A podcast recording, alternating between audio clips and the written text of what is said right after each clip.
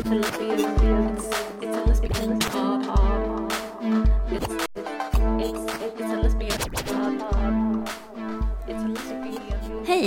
Jag heter Lotta Sundin och du lyssnar på Lesbisk podds julspecial.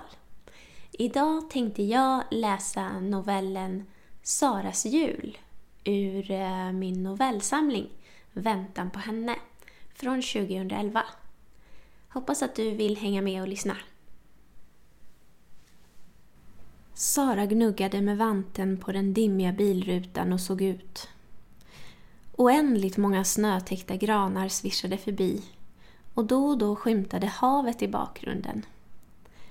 Himlen var mulen och verkade hota med att släppa ner ännu mer snö när som helst. Hon tänkte på sina föräldrar. De satt förmodligen på någon solig strand just nu. Mamma tyckte att en av de bästa sakerna med att gå i pension var att man kunde hoppa över hela vintern och fly till något varmare land. Nu befann de sig på andra sidan jorden, i Australien. Sara visste inte ens när de tänkte komma tillbaka.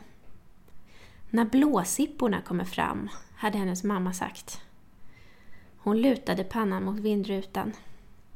Det var varmt i bilen och Klaras familj pratade och skrattade. Hon kände en hand på sin axel. Är du ledsen, Sara? undrade Klaras mjuka röst. Nej, inte alls. Lite trött bara. Vi är snart framme. Sara log. Hur konstigt var det inte att fira jul med någon annan släkt? Även om hon hade känt Klara i flera år hade hon bara träffat hennes föräldrar och hennes syster några få gånger. Nu skulle de åka till Klaras farmor på släktgården. Där fanns det tydligen plats för alla. Mor och farbröder, fastrar och mostrar, kusiner och kusinbarn. Och för henne. Men eh, även om det skulle kännas fel att fira jul med en massa främmande människor skulle det vara ännu värre att sitta ensam hemma på julafton. Och hon hade ju Klara. Granarna utanför rutan blev färre och ersattes av björkar och enar medan det började skymma. Nu körde de på en liten slingrig väg och åkte över små broar mellan öarna. Till slut svängde Volvon in på en liten sandad väg som ledde fram till en grupp stora vita hus där det lyste i fönstren. Ute på vägen stod en man i blå dunjacka och grön öronlappsmössa och tände marschaller och satte dem i smidda hållare längs uppfarten. Klaras pappa vevade ner rutan när de körde förbi mannen. Tjena Oskar! Välkomna, välkomna! hälsade öronlappsmannen glatt och hukade sig ner vid rutan och sträckte in handen till Klaras mamma och pappa i bilen. Vad roligt att se er! Vi ses där inne strax. Jag ska bara fixa klart här. Det där var min morbror Oskar, sa Klara. Och ja, han är alltid lika glad. Bilen bromsade in framför det största huset och de klev ur bilen på stela ben. Det var väldigt kallt ute. Kapitel 2 Trätrappan knarrade när de följde efter Klara upp mot övervåningen med en väska i varje hand. Det luktade gott av trä, glögg och tända stearinljus. Huset var stort och på nedervåningen hade släkten samlats i vardagsrummet för att dricka glögg och äta pepparkakor. Klaras föräldrar hade gått in för att hälsa på alla medan Klara och Sara bar upp packningen. Här får du sova, sa Klara och stannade upp utanför en öppen dörr i ena änden av korridoren. Sara kikade in i rummet. Det var inte stort, men sängen verkade rejäl och det fanns en byrå och en garderob. Mer behövde hon inte. Genom fönstret såg hon gården och infarten där marschallerna brann. Jag har sovrummet längst ner i andra änden, bredvid mammas och pappas rum. Och här bredvid dig tror jag att Milla kommer bo. Det är min kusin. De är tre barn så de får inte plats allihop i andra huset. Ska vi gå ner och hälsa? Jag ska bara byta tröja och ställa in väskan.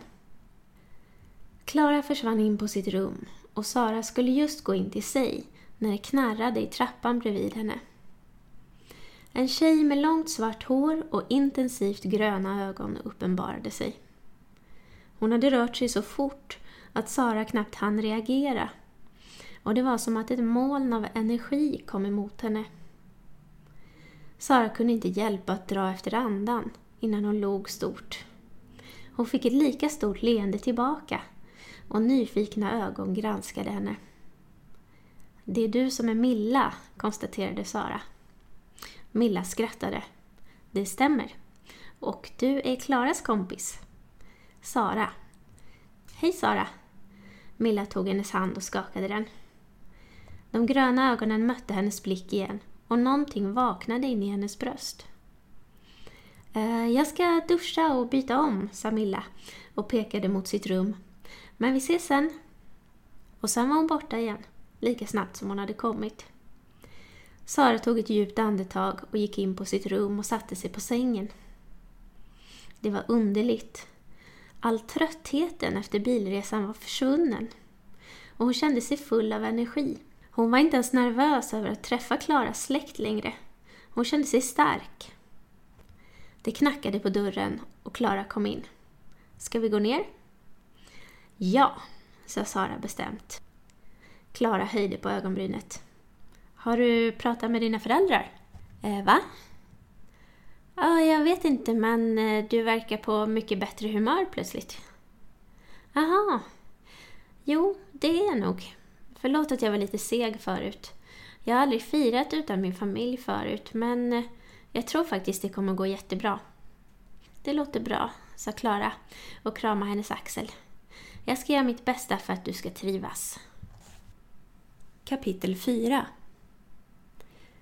när Sara vaknade på morgonen var klockan nio. Hon hade sovit bättre än någonsin i den stora sängen som tog upp den större delen av golvytan i hennes lilla rum. Det var lite kyligt och hon drog åt sig sina mjukisbyxor, raggsockor och huvtröja från stolen bredvid och klädde på sig under täcket. Efter några minuter vågade hon sig ur sängen. Hon packade upp sin handduk och sina duschgrejor i byrån och tittade ut i korridoren. Där var det tomt. Men från nedervåningen hörde hon prat och slamrande med porslin. Hon smet in i badrummet och låste dörren. Hon drog av sig kläderna och njöt av lyxen med värmegolv. I den stora väggspegeln såg hon sin nakna kropp och hon log. Hon hade alltid varit nöjd med sin kropp. Den var slank och vältränad och kunde ta henne vart hon än ville. Sen såg hon på sitt ansikte. Inramat av halvlångt ljust hår. Efter nattens hårda sömn var det alldeles rödmosigt. Hon grimaserade och gnuggade ögonen innan hon öppnade dem igen. Beslutsamma blå ögon såg tillbaka på henne i spegeln. Sedan gick hon in i duschkabinen och drog för dörren.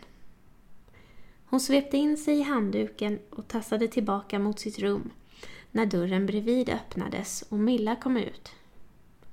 God morgon, sa hon och de gröna ögonen såg nöjda ut. God morgon, hälsade Sara tillbaka. Sovit gott? Mycket gott, sa Milla och log innan hon försvann i för trappan. Efter att hon klätt på sig och fönat håret knackade Sara på hos Klara. Inget svar. Hade hon redan gått ner? Hon gläntade på dörren och tittade in. Nej, Klara sov fortfarande. Sara gick in och satte sig på sängen. Sen hoppade hon lite upp och ner. Ingen reaktion. Hon började hoppa hårdare. Klaras huvud hoppade upp och ner på kudden. Men vad fan, hörde hon hennes mumlande. God morgon Klara. Jag tror att alla är vakna utom du. Ja, det är så det brukar vara. Vad är klockan? Klara vände sig om med ögon smala som springor. Tio. Aha. Ja. ja, jag får väl gå upp då. Eh, jag kommer snart. Du kan väl gå ner så länge, är det okej? Okay? Självklart. Sara reste sig från sängen och stängde dörren bakom sig. På nedervåningen stod en stor frukostbuffé framdukad i köket och den stora släkten satt utspridd i soffor, på bänkar och vid bord och drack sitt kaffe och te. Morbror Oskar var redan på väg ut i snön med Melker och Mattias. God morgon Sara, vilken härlig morgon! hälsade han innan de försvann ut genom ytterdörren. Sara gjorde sig en kopp te och en ostsmörgås och gick in i vardagsrummet.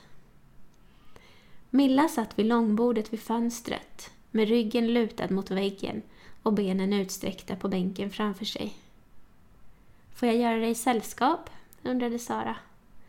Självklart, sa Milla.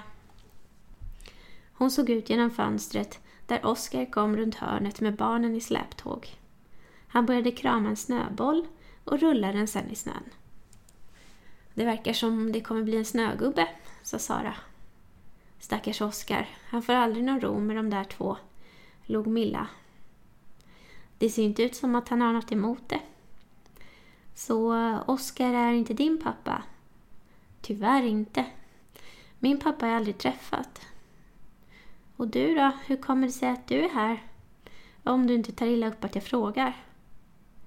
Inte alls. Eh, mina föräldrar är i Australien.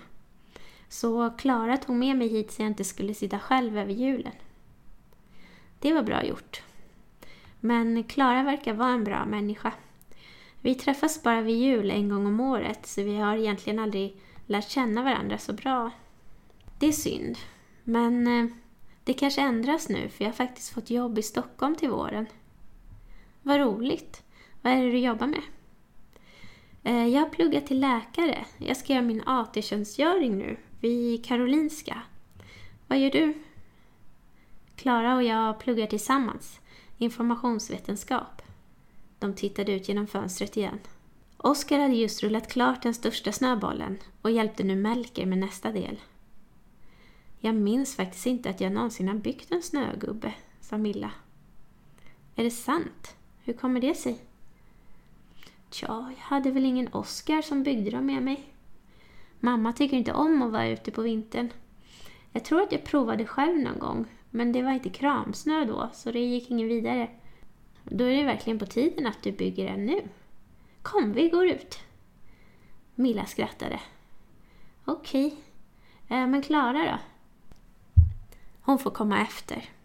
Men jag misstänker att hon har somnat om. Kapitel 5 Sara var glad att hon hade packat ner sitt skidställ.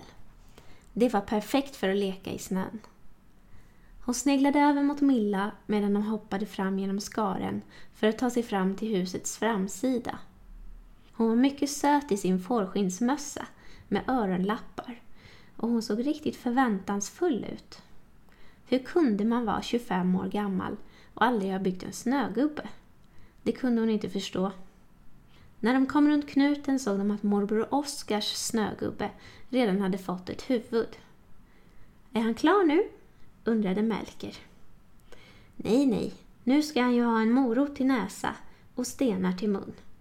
Och helst ska han ha en kvast och en hatt också. Om ni pojkar letar stenar så ska jag gå och leta rätt på en morot. Åh, hämta en åt oss också. Vi ska också bygga en, sa Milla. Vad roligt, tyckte Oskar innan han försvann runt hörnet. Okej, hur börjar man då? undrade Milla och började krama en snöboll. Ja, precis så där. Och sen rullar du den i snön så att den blir stor. Du kan göra underdelen, så gör jag mitten. Milla började rulla sin boll i snön. Wow, vad det fastnar fort. Vi får göra en stor snögubbe. Hon studerade klumpen medan den rullade fram och växte. Men den blir lite avlång. Sara skrattade. Du måste rulla den åt andra hållet också. Då blir den rund. Aha, tur att jag har en expert med mig. Hon fortsatte rulla sin klump medan Sara började på snögubbens mellandel. Det var verkligen perfekt kramsnö. Bollen växte snabbt och hon såg att Milla nu knappt kunde rulla sin framåt. Nu får det nog räcka, bustade hon. Ja, det tycker jag. Frågan är hur vi ska orka lyfta upp min klump på din nu. Äh, det fixar vi. Vi vill stärka brudar, eller hur? Kom igen. Ett, två och tre. De hivade upp den stora snöbollen med gemensamma krafter, men orkade ändå inte få upp den på Millas jätteboll. Milla tryckte ryggen mot bollen medan Sara drog i den och de skrattade så de grät. Kom igen! skrek Milla och till slut låg bollen på plats.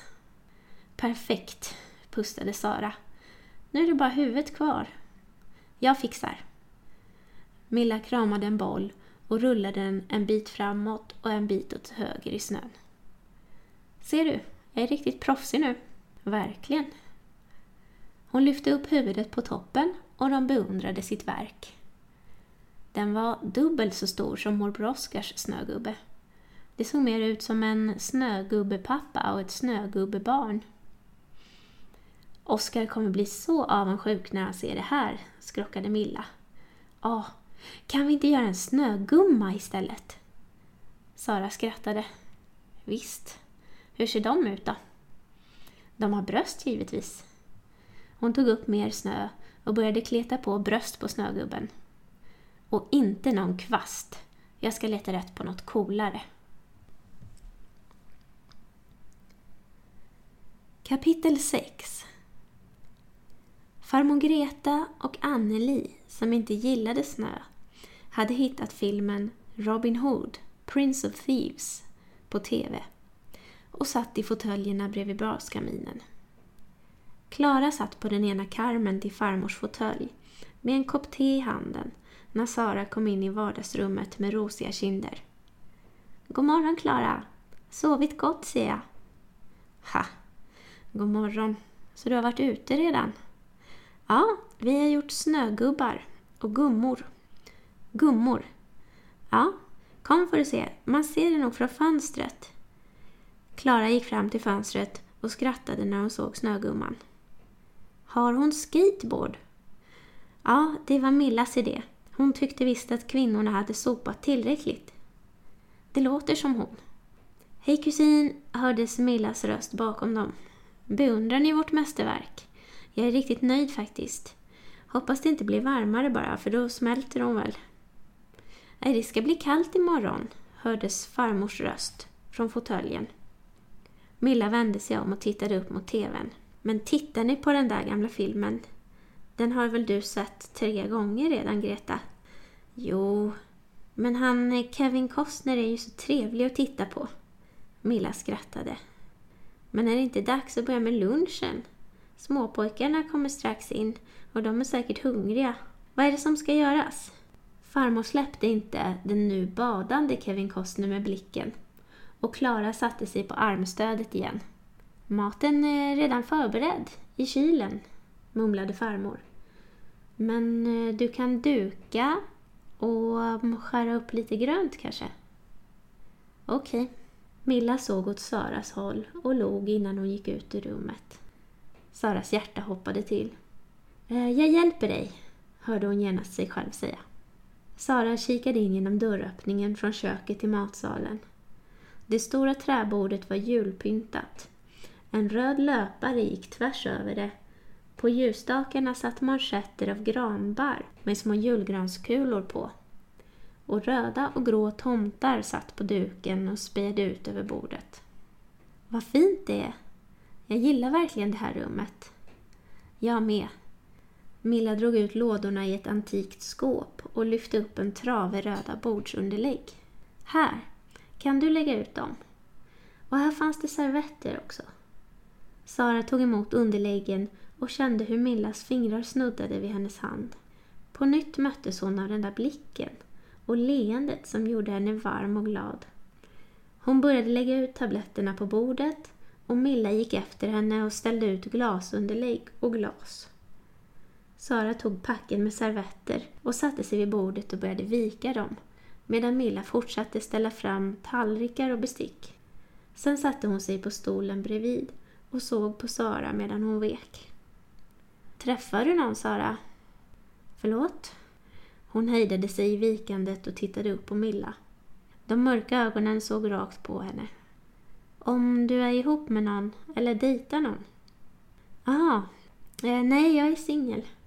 Milla log och skulle just öppna munnen när Klara kom in. Går det bra tjejer? Vad fint du gör Sara. Tack. Sara tyckte nästan det kändes som att hon rodnade. Hon hoppades att ingen såg det. Jag tror vi är klara nu, sa Milla. Eller fattas det något? Jag tycker det ser bra ut, sa Klara. Men då går jag och kollar vad vi ska ha för mat. Milla reste sig och försvann ut i köket. Eh, ska jag sätta de här färdiga i glasen? undrade Klara. Ja tack, det blir bra. Hur känns det då? Trivs du här än så länge? Ja, jag trivs hur bra som helst. Du har tur som alltid får fira jul här. Kapitel 7 Utanför matsalens stora fönster hade snöflingor börjat singla ner. Morbror Oskar och Klaras mamma hade slagit sig ner vid den ena sidan av bordet och Sara satte ner sin silltallrik bredvid dem. Milla slank snabbt ner på platsen mitt emot henne. Så du äter sill? Jag har aldrig förstått mig på det. Sara tittade på hennes tallrik som istället var full av varmrökt lax. Bäst du äter ordentligt, fortsatte Milla. För i eftermiddag är det dags för långa julpromenaden. Aha, är det någon tradition ni har? Ja, dagen innan julafton äter vi alltid middag nere på värdshuset. De har en jättestor buffé där. Och eh, för att vara värda all maten så brukar vi gå dit. Det är nog en mil dit tror jag. Men eh, du kanske inte är så mycket för att promenera? Jo då, jag kan gå hur långt som helst. Okej, annars kan du ta bilen med mamma och Greta. Klara anlände med fullastad tallrik och drog ut stolen bredvid Milla. Ska du promenera till värdshuset, Klara? Jag vet inte. Vill du det? Absolut. Ja, ja, men då får jag väl gå jag med. Snön föll fortfarande när sällskapet svängde ut på stora vägen för att börja vandringen mot värdshuset. Klaras mamma och pappa gick först och drog upp ett rejält tempo. Oskar och Milla kom efter och drog Melker i en pulka bakom sig. Vi genar väl över ängen, undrade Klaras pappa. Kommer du fram med pulkan där, Oskar? Det går nog bra. Bilvägen var uppkörd, men på ängen låg snön orörd och djup. Sara trampade efter de andra och på sina ställen gick snön upp till hennes knän. De hade hunnit halvvägs över ängen när hon plötsligt kände hur marken försvann under henne. Oskars armar tog tag i henne och drog henne tillbaka upp på stigen. Helvete! De har ju grävt nytt dike här i höstas. Hur gick det?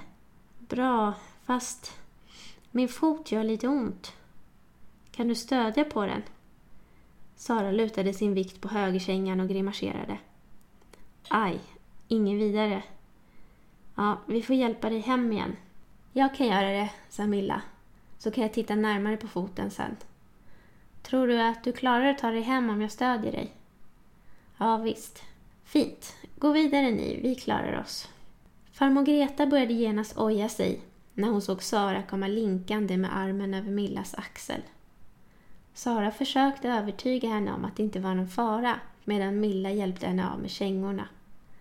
Kom, vi sätter dig i soffan så kan du också kolla på filmen.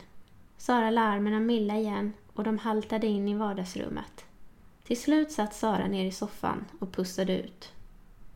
Här, lägg upp foten på bordet. Milla drog av hennes strumpor och varma fingrar började känna på hennes fot. Sara kunde inte hjälpa att hon skrattade till. Hon möttes av ett leende. Är du kittlig?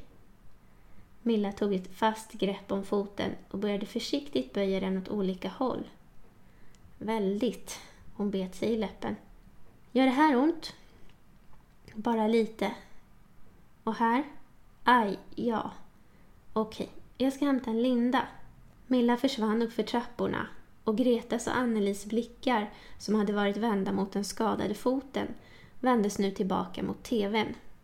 Vad ser ni för film idag? Det är eh, Vad kvinnor vill ha med Mel Gibson. Har du sett den? Anneli skickade en hastig blick åt Saras håll. Ja, den är bra. Den är underbar. Hon räckte över chipskålen till Sara. Tack. Det dunsade i trappan och Milla dök upp med lindan. Hon satte sig på knä på golvet och började vira den runt Saras fot. Sara började känna sig rätt nöjd med situationen. Det var länge sedan någon hade tagit hand om henne och hon njöt av att känna Millas händer mot sin hud. Sådär, sa Milla och fäste lindan med två spännen. Vill du ha något att dricka? En cola? Gärna. Milla försvann iväg och när hon kom tillbaka höll hon i två colaburkar. Hon satte sig ner bredvid Sara. Det var en bred soffa, men Milla lyckades ändå hamna så nära att hennes lår snuddade vid Saras. Hon höll fram chipsskålen. Tack. Hon tog en näve och öppnade sin kola. Det är fint att ha privat sjuksköterska så här. Läkare om jag får be. Just ja. Det var varmt och Sara drog av sig sin tjocka tröja. Hon hade hamnat i den delen av soffan som var närmast braskaminen. På tv-skärmen hade Mel Gibson just blivit räddad av Helen Hunt och eftertexterna började rulla. Det är en knapp kilometer från parkeringen till värdshuset. Kan du gå så långt, Sara? Farmor Greta tittade oroligt på den bandagerade foten som låg på hennes soffbord. Jag skulle nog helst slippa det. Är det okej okay om jag stannar här? Ja, det är klart. Men eh, det är ju tråkigt om du inte kan komma med. Det är ingen fara, jag har en bok med mig. Jag stannar med Sara, hörde hon Millas röst från köket. Nej, Milla, det är klart att du ska åka med, ropade hon tillbaka. Vi kan inte lämna dig att sitta här alldeles själv i mörkret. Millas röst närmade sig och hon kom ut i vardagsrummet igen. Jag tycker ändå bäst om julbordet vi får imorgon, med Gretas köttbullar. Hon blinkade mot Greta och satte sig i soffan igen. Ja, men det är väl bra om du håller Sara sällskap, tyckte Anneli. Vi har en hel hög med film i väskan där som ni kan titta på om ni vill. Hon tittar på sitt armbandsur. Nej, det är väl dags att vi börjar röra på oss. Nervositeten började krypa i kroppen på Sara medan hon och Milla satt tysta i soffan och såg ut genom fönstret där baklyserna på de båda bilarna försvann i mörkret ut på vägen. De skulle vara ensamma i flera timmar. I ögonvrån såg hon hur Milla tittade på henne och hon vände sig om. Hon hade förväntat sig en fråga, om hon ville se en film eller kanske äta middag. Men Milla sa inget. Hon bara fortsatte att se på Sara med den där blicken hon hade gett henne flera gånger tidigare. Men då hade den alltid vikit bort efter någon sekund. Nu såg de mörka ögonen stadigt på henne och hon kunde inte låta bli att se in i dem. Hennes hjärta slog snabbt. Hur hade hon hamnat så nära? Hon kände hur Millas fingrar snuddade hennes lår och tog tag i hennes hand. Precis innan mjuka läppar kysste hennes mun. Hon vågade knappt tro att det var sant. Ändå var det i Klaras farmors soffa hon befann sig. Och det var Klaras kusin som just hade kysst henne så mjukt och underbart att hon hade blivit varm i hela kroppen. Nu låg hon ner på kuddarna och Millas kyssar kittlade hennes hals och Millas händer låg varma, slutna om hennes bröst. Det annars så stimmiga vardagsrummet var helt tyst. Inte ett ord hade yttrats sedan de andra hade försvunnit. Det enda hon hörde var sprakandet från braskaminen och Millas djupa andetag i det mörka rummet. En ström av tankar försökte ta sig fram till hennes hjärna. Tänk om farmor Greta såg dem nu? Och vad skulle Klara säga? Och borde hon verkligen ha hamnat i den här situationen med någon hon bara hade känt i två dagar? Men hennes kropp ville ha Milla och hennes hjärta sa att Milla var bra. Det var det enda som spelade någon roll just nu. Hon slog bort alla tvivlande tankar och slappnade av. Hennes händer smekte sakta Millas rygg. Hon tog tag i den nedre kanten av hennes tröja och drog den uppåt. Milla satte sig upp, gränsle över hennes midja och drog tröjan över huvudet. Hon hade en bh under som hon knäppte upp i ryggen och lät falla. Sara drog efter andan. Milla var vacker. Klassiskt vacker. Som hon hade tänkt sig ett skogsrå i sagorna. Hon satte sig upp och Milla drog av hennes t-shirt och knäppte upp hennes bh. Sara drog henne ner med sig och njöt av att känna hennes mjuka bröst mot sig medan deras läppar möttes igen. Kapitel 8 När dörren öppnades satt Sara och Milla i varsin fåtölj och såg på Pirates of the Caribbean. Hej min lilla Sara! Hur mår din fot? Klaras glada ansikte tittade fram bakom dörrkarmen från hallen med röda kinder. Sara undrade om det var av kylan eller av alkohol. Klara hängde av sig jackan och sprang fram till Sara och försökte krama om henne där hon satt i fåtöljen. Jo, den är lite öm, men det ska väl ge sig. Det låter bra det. Klara slog sig ner på armstödet. Vad ser ni? Pirates? Men den har just börjat va? Vad såg ni innan? Um, Sara letade efter något namn på en film men kunde inte komma på något. Den här, sa Milla och drog upp en film ur kassen. Klara tog fodralet ur hennes hand. Reine och Mimmi i fjällen. Klara rynkade ögonbrynen. Milla skrattade och bet sig i läppen. Ja, den var inte så bra. Nej, det är klart att den inte var bra. Det kunde väl vem som helst förstå. Vad knäppa ni är. Farmor Greta kom in i rummet och suckade. Usch, jag har ätit alldeles för mycket. Varför gör jag det varje år? Hon började gå mot soffan, men Sara reste sig ur fåtöljen. Ja, ah, du ska få tillbaka din stol. Nej, nej, sitt där du. Jag sätter mig i soffan någon minut. Men eh, jag ska strax gå och lägga mig. Jag är helt slut. Hon satte sig ner i soffan och Sara knep ihop läpparna. Hon visste inte vad hon kände. Skämdes hon lite? Eller var det bara kontrasten? Att se farmor Greta sitta i soffan där hon just hade älskat med Milla, smekt hennes nakna kropp, känt henne komma under sina fingrar. Hon såg i ögonvrån hur Millas ena mungipa lyftes. Det var en underlig känsla. Fjärilar dansade i hennes mage och Milla satt så nära men ändå så långt borta. Klara gled ner från fåtöljens armstöd och klämde in sig bredvid Sara. Jag får plats va? Är det okej? Okay? Såklart. Det var en stor fåtölj, men de satt ändå trångt i den när de var två. Hon var alldeles för nära. Saras kropp längtade efter närhet igen, men det var inte från Klara hon ville ha den. Milla kastade en blick åt hennes håll och log. Sara undrade om Milla hade velat sitta hos henne istället. Inte för att hon behövde vara svartsjuk på Klara. De hade aldrig varit någon mer än vänner. Filmen var visst inte i de andras smak, för de droppade av, en efter en. Eller om det var all mat som hade gjort slut på deras energi. När slutscenen ebbade ut satt bara Milla, Sara och Klara kvar i sina fåtöljer. Aha, det var en bra film. Och tänk, imorgon är det julafton. Klara la sin arm om Saras axlar. Ja, vad mysigt. Jag ser fram emot att vakna här och titta ut på all snön. Så det känns okej då?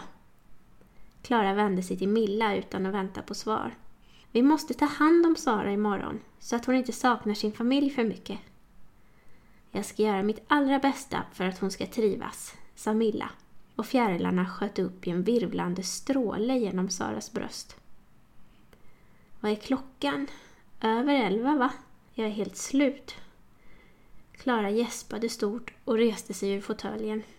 De andra följde hennes exempel och Sara släckte ljuslyktorna på bordet medan Milla stängde av DVDn. Behöver du hjälp upp för trappan, Sara?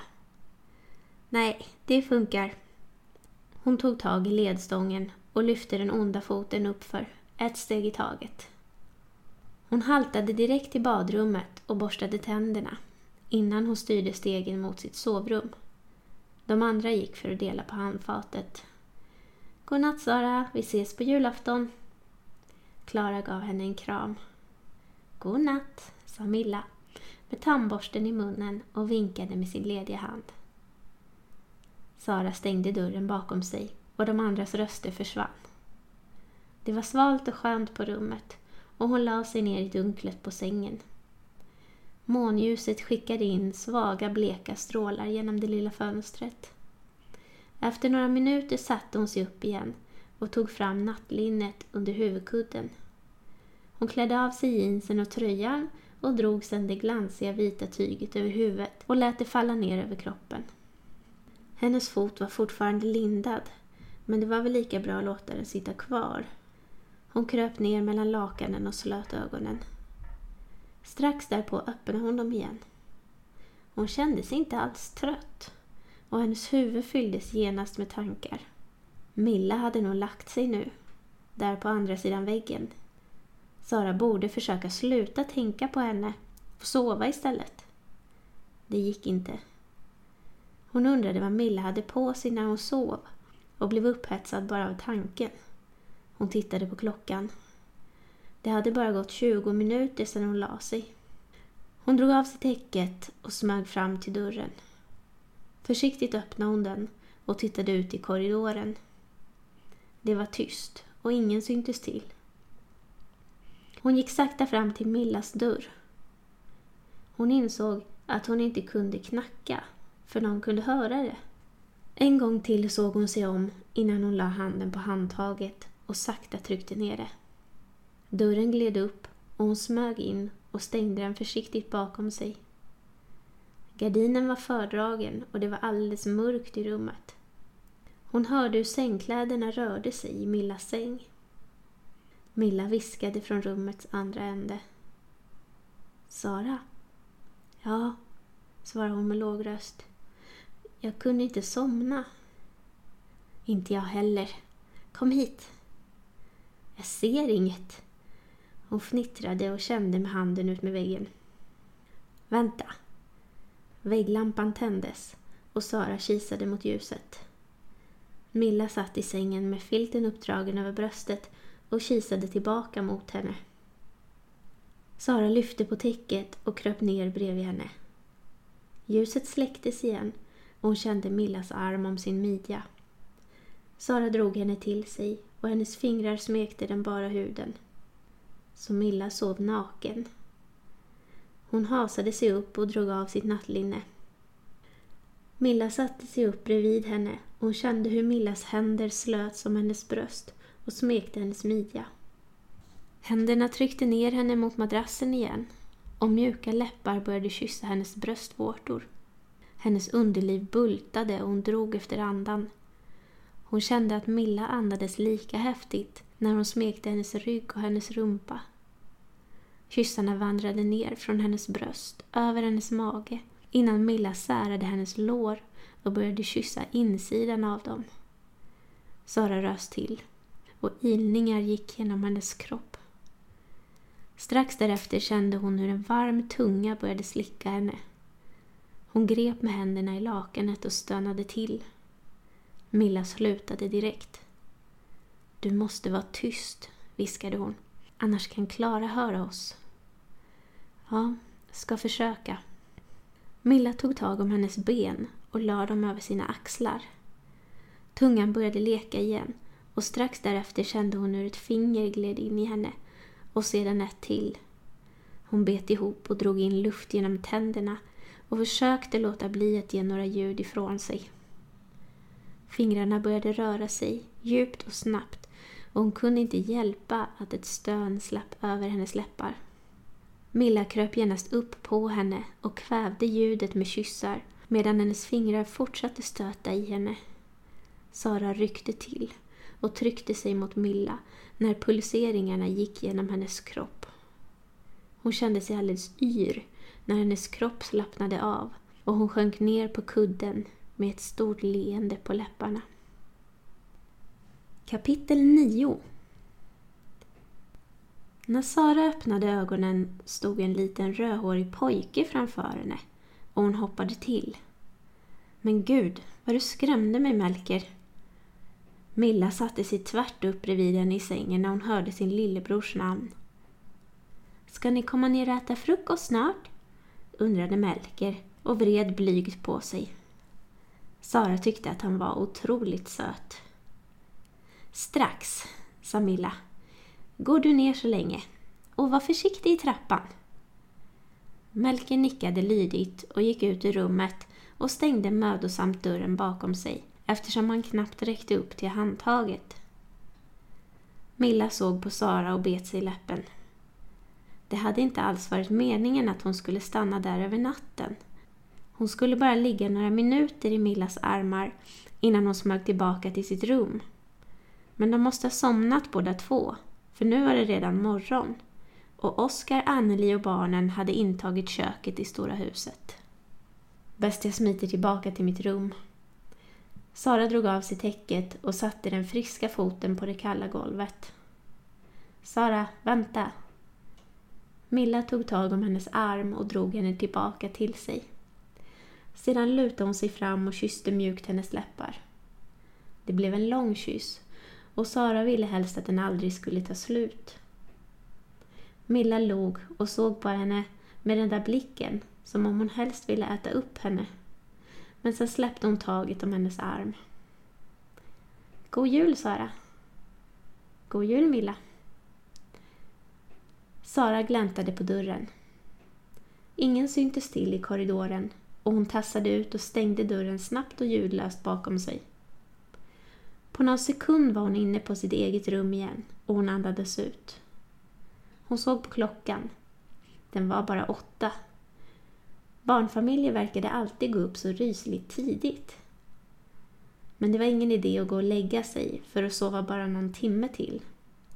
Dessutom kände hon sig väldigt vaken efter det chockartade uppvaknandet och Millas kyss. Hon undrade vad Melker hade sagt till sina föräldrar när han kom ner igen. Hon klädde på sig och gick till toaletten för att snygga till sig. Milla syntes inte till än. Hon tog mod till sig och gick ner för trapporna. Oskar, Anneli och Mattias satt med sin frukost runt soffbordet. Melker satt på golvet och lekte med parkeringsgaraget och farmor Greta hade tagit plats i favoritfåtöljen med en kopp kaffe i händerna. Hon vred på huvudet och sken upp när hon hörde trappan knarra. God jul Sara! Uppe redan? Du har väl inte sovit dåligt? God jul! Nej då, jag har sovit jättegott. Sara sover med Milla, konstaterade Melker utan att lyfta blicken från garaget. Sara kände hur kinderna hettade, men ingen verkade reagera. Ja, Melker, Sara och Milla sover här i stora huset, sa farmor Greta. Ja, sa Melker. Sara, du kan ta den röda bilen. Tack Melker, men jag ska nog ta lite frukost först. Det luktar så gott här med kaffe och rostat bröd. Sen kan du ta den röda bilen, sa Melker och körde sin taxibil genom biltvätten. Kapitel 10 Sara njöt av att känna solen i ansiktet medan Klara stod bakom henne och skjutsade fram henne över den gnistrande snön på farmor Gretas spark. Går det bra? Ja, det går fint för mig, men jag sitter ju bara. Hur går det för dig? Skitbra! Vilket glid! Där framme är det. Den lilla isiga vägen slutade vid toppen av en backe som ledde ner till en äng nedanför. Klara bromsade in och hoppade av sparken vid backens topp. Oskar och Milla kom upp för slänten med röda kinder. De drog Melker och Mattias bakom sig i varsin pulka. Sara log. Milla var verkligen söt i den där öronlappsmössan. Åh, avlösning! Oskar la sig ner i snön och bara pustade. Ja, en timmas dragning av pulka uppför backe tar på en, sa Milla och satte sig bredvid honom i snön. Sara, du kan åka med mig, tyckte Melker. Jag är ledsen Melker, men jag har gjort illa foten så jag kan nog inte komma upp för backen igen. Oskar var genast på fötter. Men så kan vi inte ha det. Ett åk måste du få åtminstone. Åk du ner med Melker så drar jag upp dig sen. Sara skrattade. Tack, men jag är nog lite tyngre än Melker. Det är lugnt, sa Milla. Oskar är stark som en oxe. Ja, gör det Sara. Klara drog fram pulkan till henne och klappade uppmanande på sitsen. Okej då, jag är inte den som är den. Hon satte sig i den röda plastpulkan. Den verkade i alla fall stabil. Kom och sätt dig här framför Amelker, sa Oskar och lyfte i honom framför Sara. Sedan drog han fram pulkan till backens topp. Sara skrattade. Det pirrade lite i magen, fastän backen verkade vara ganska snäll. Är ni beredda? Klara knuffade henne i ryggen utan att vänta på svar och så var de iväg. Det var en härlig känsla. Hon borde nog åka pulka oftare. Men på bara några sekunder var åkturen över och när hon vände sig om såg hon att det var väldigt långt att gå upp igen. Oskar kom ner för backen med Mattias i knät. Han kom säkert 20 meter längre, men så var han ju lite tyngre också. Milla sprang ner för backen och Oskar lämnade över Mattias pulka till henne. Han vände sig till Sara. Och nu bär det uppåt igen. Nästan lika fort. Men eh, du får gå, Melker. Du kan behöva bli lite varm ändå. Sara kände sig rätt fånig. En vuxen kvinna som blir dragen upp för pulkabacken. Milla skrattade också lite åt henne där hon gick bredvid. Så, är du nöjd med ditt åk? undrade Klara. Det var ett riktigt superåk. Nu lämnar jag nästa till dig. Härligt! Nu kör vi Melker. Hon hoppade i pulkan medan Sara haltade tillbaka till sin spark och satte sig. Sekunden därpå försvann de ut för backen. Hur känns foten idag? undrade Milla. Lite bättre tror jag. Vad bra. Eh, var är de andra? De är ute och går. De skulle gå förbi någon bondgård och hämta ägg till våfflorna tror jag de sa. Aha, hos Bodil. Det är bonden lite längre ner på ön.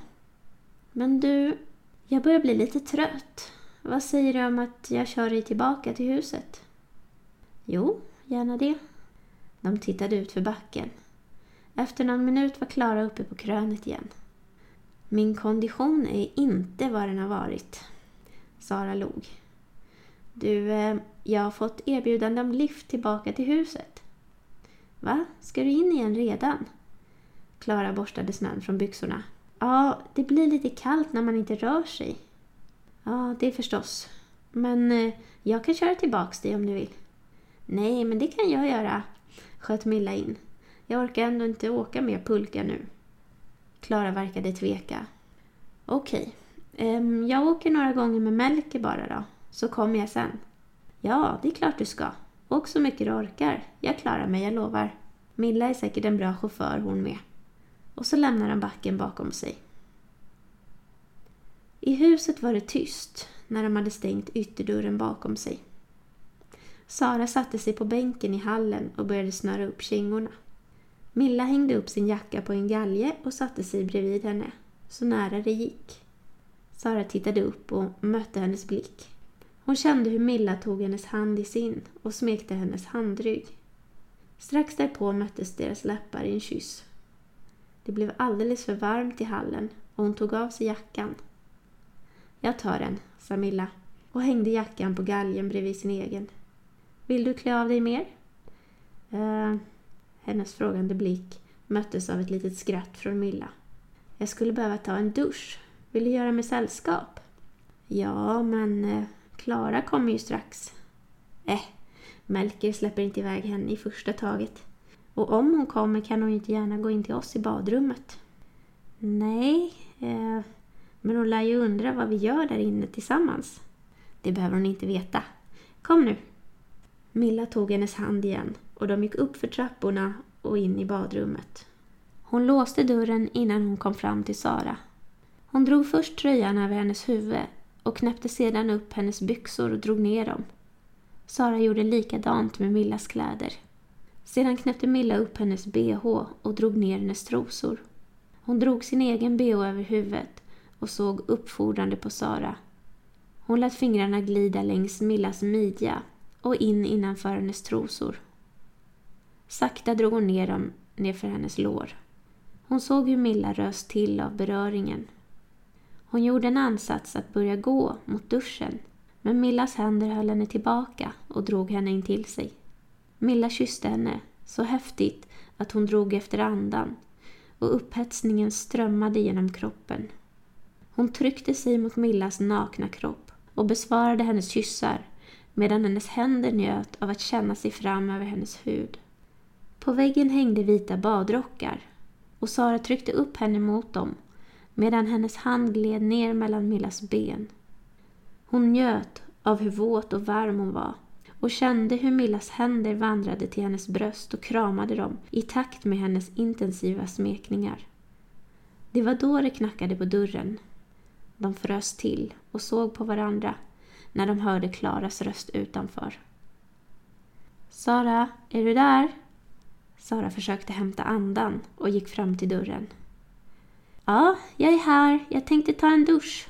Ah, vet du vad Milla är? Jag tror att hon skulle vila lite.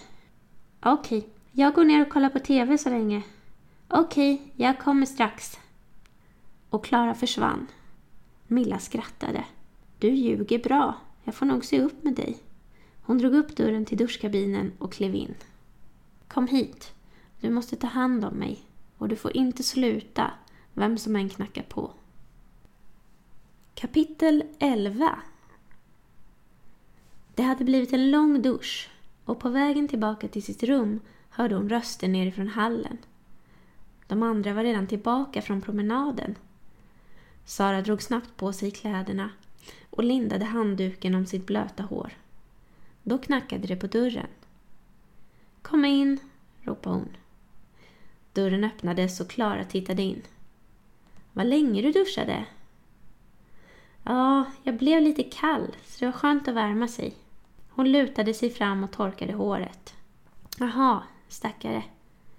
Klara satte sig på sängen och pillade på överkastet. Gillar du henne? Sara hoppade till. Vem? Milla. Ja, visst, hon verkar väldigt trevlig. Klara himlade med ögonen. Jag menar om du är attraherad av henne. För bara så du vet är hon intresserad av män. Hon hade en kille förut. Axel tror jag att han hette. Jaha. Milla är supertrevlig, jag vet. Hon är en sån där person som kommer överens med alla. Okej, jag förstår din poäng. Sara log ansträngt. Hon förstod inte alls Klaras poäng.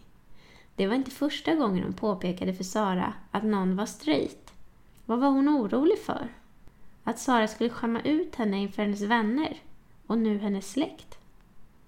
Jag vill bara inte att du ska bli besviken. Ingen fara. Ska vi gå ner och hjälpa till med våfflorna? Ja, det gör vi. De reste sig och gick ut ur rummet och ner för trappen under tystnad. I köket var Milla och Greta redan i full gång med att göra smeten till våfflorna. Sara kunde inte hjälpa att le när hon såg henne.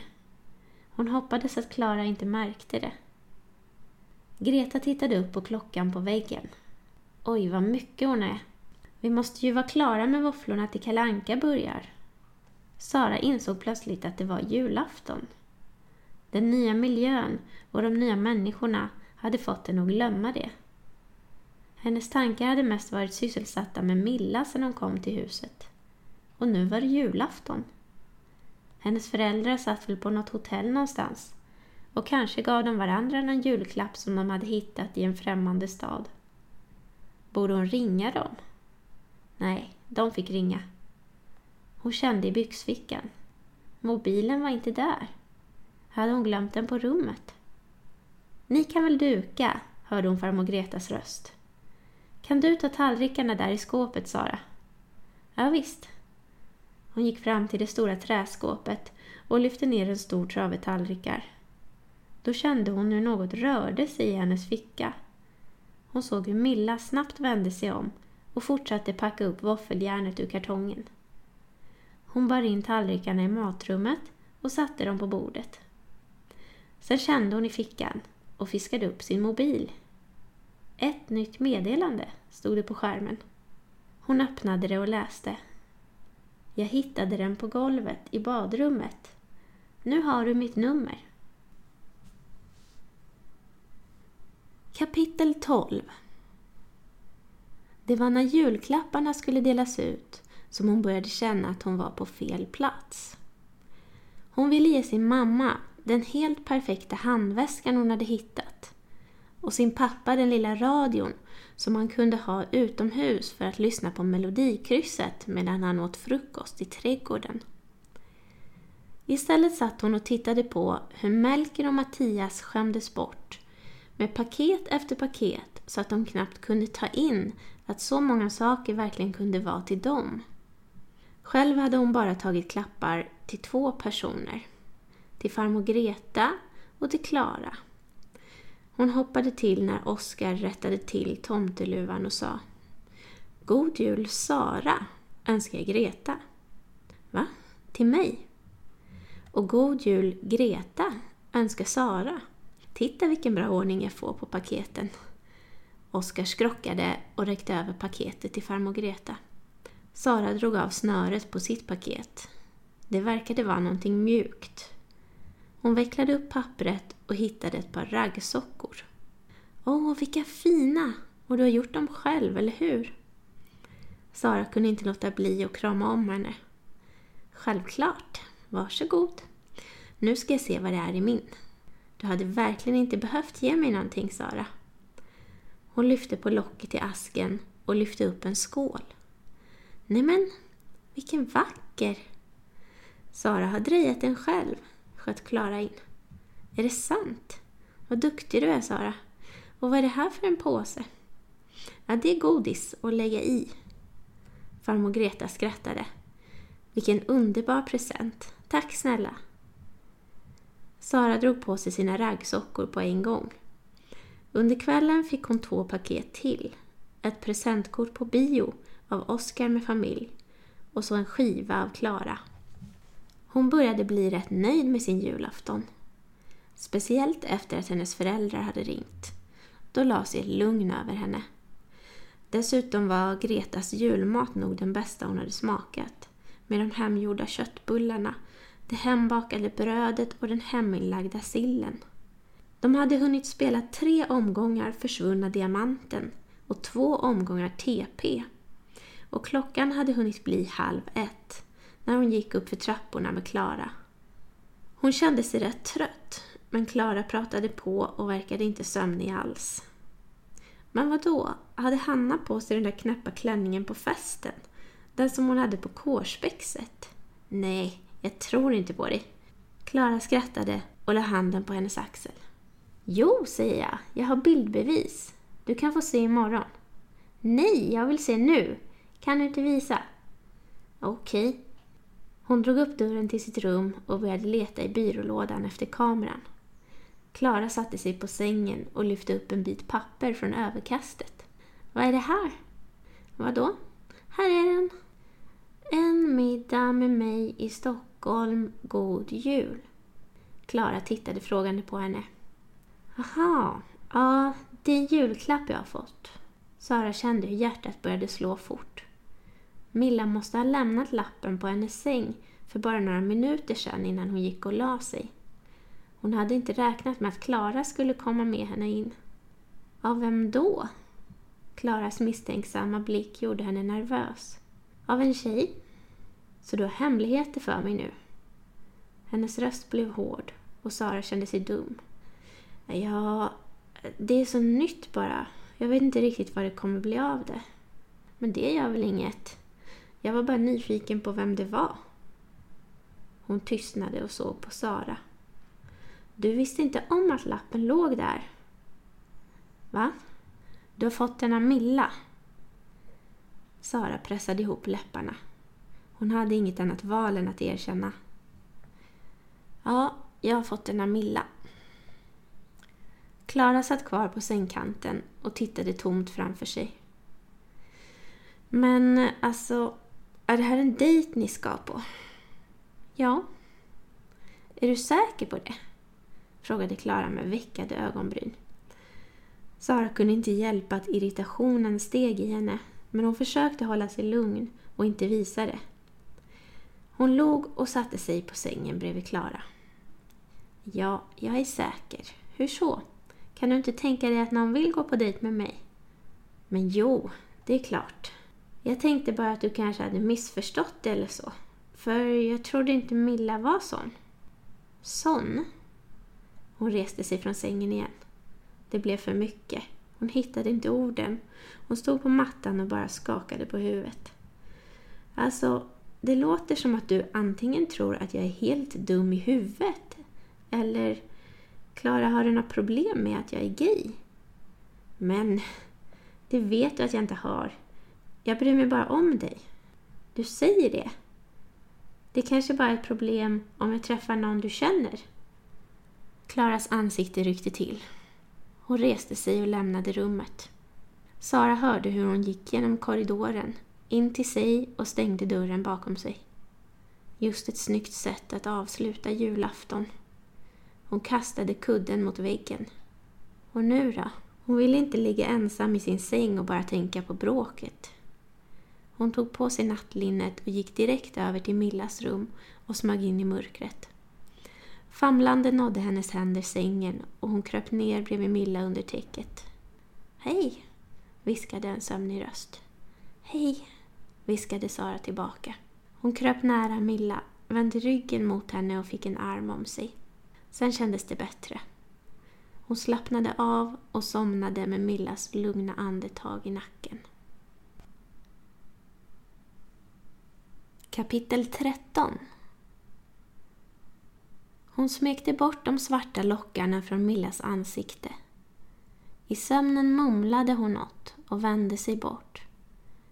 Sara la sig bakom henne och lät fingrarna glida upp i håret i hennes nacke. Mm, skönt, hörde hon Millas sömndruckna röst. Men hon låg fortfarande helt stilla med slutna ögon. I säkert tio minuter låg de där innan Milla vände sig om och mötte hennes blick. Du Milla? Mm? Hon la armen om Saras midja och gosade in sig under hennes haka. Tack för julklappen. Milla log. Så du vill träffa mig då? Det är klart jag vill. Det är en sak bara. Jaha. Milla såg med ens orolig ut. Igår, ehm, Klara eh, gick in på mitt rum och hon såg din lapp före mig. Jaha. Men det kanske inte gör så mycket. Det var mest för att det inte skulle bli konstig stämning i huset som jag tyckte det var bäst att vi höll det hemligt. Jo, tyvärr blev det lite konstig stämning också. Vi blev osams. Va? Om vad? Milla la sig till rätta och vilade huvudet på armbågen. Jag tror att Klara har ett problem med min läggning. Men ni har väl känt varandra i flera år? Ja, och det har varit likadant hela tiden. Tar jag upp fel saker så svarar hon väldigt kort och byter ämne så fort det bara går. Dejtar jag någon och jag vill att vi ska göra något alla tre så är hon alltid upptagen.